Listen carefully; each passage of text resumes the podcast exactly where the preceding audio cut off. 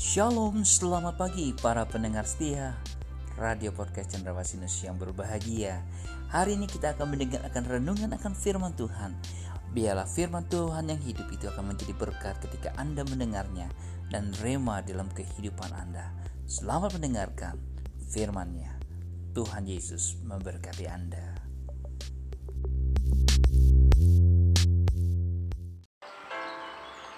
Salam.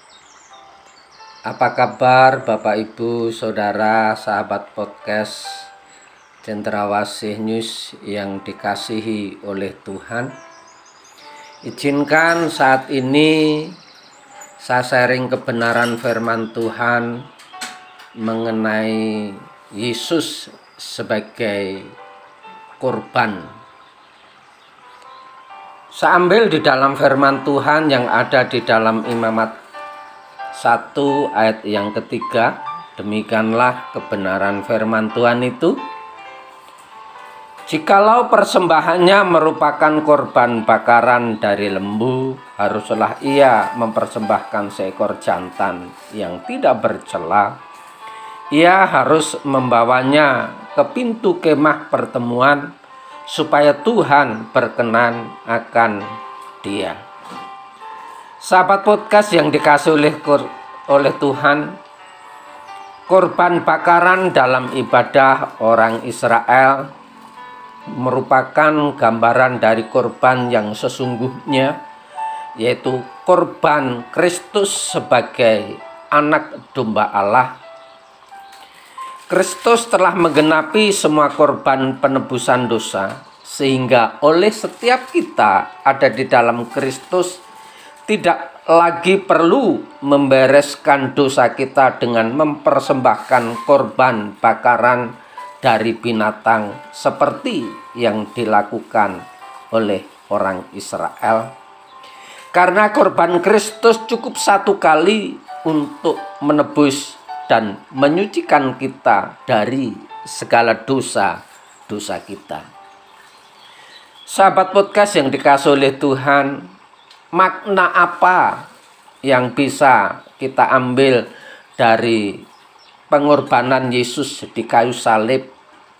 Yang pertama adalah korban Kristus itu menggantikan posisi kita.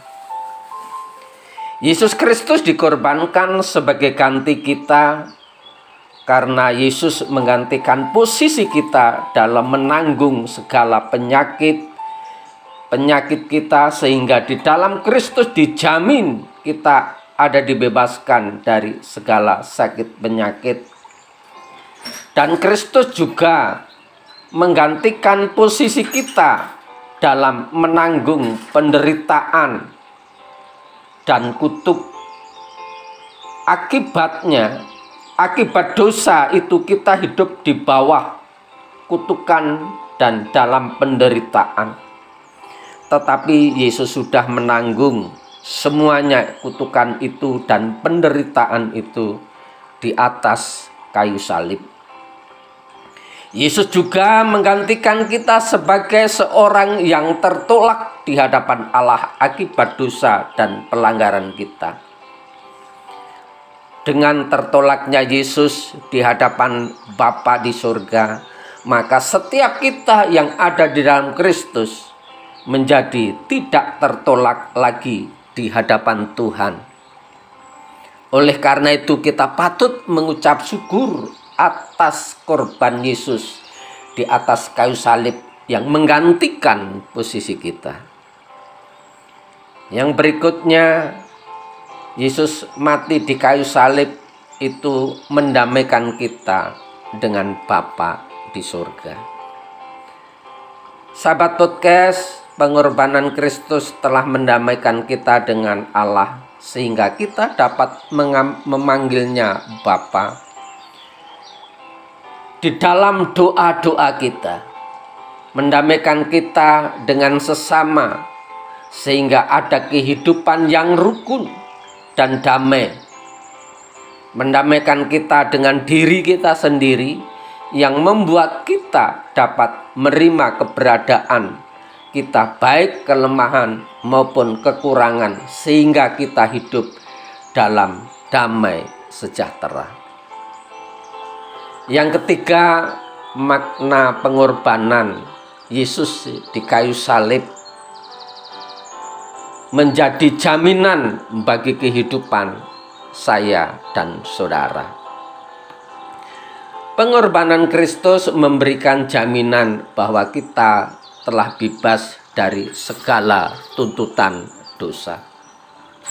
Jaminan itu menjadi dasar kita untuk hidup bersuka cita dan hidup dalam kepastian. Masalah kita mungkin belum selesai, tetapi korban Kristus menyamin bahwa Tuhan pasti akan menolong kita tepat pada waktunya. Selama kita hidup, masih ada tantangan, persoalan, masalah yang harus kita hadapi, tetapi bersama Yesus, sekali lagi, ada jaminan untuk kita hidup berkemenangan. Oleh karena itu, Kristus bukan hanya mengasihi saya dan saudara. Kristus bukan hanya mengasihi kita, bukan hanya membela, mengerjakan mujizat buat kita, ia juga bukan hanya menyediakan berkat-berkat buat kita, tetapi ia juga mengorbankan nyawanya sendiri untuk kemerdekaan, untuk keselamatan saya dan Anda. Oleh karena itu, sahabat posket yang dikasih oleh Tuhan, sekalipun banyak tantangan dan rintangan kepada di hidup ini, jangan lepaskan kepercayaan Anda kepada Tuhan.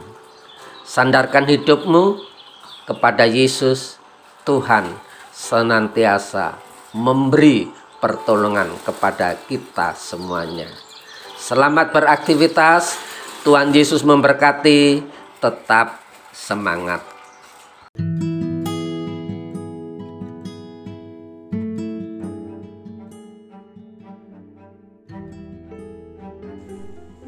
Terpujilah bagi nama Tuhan.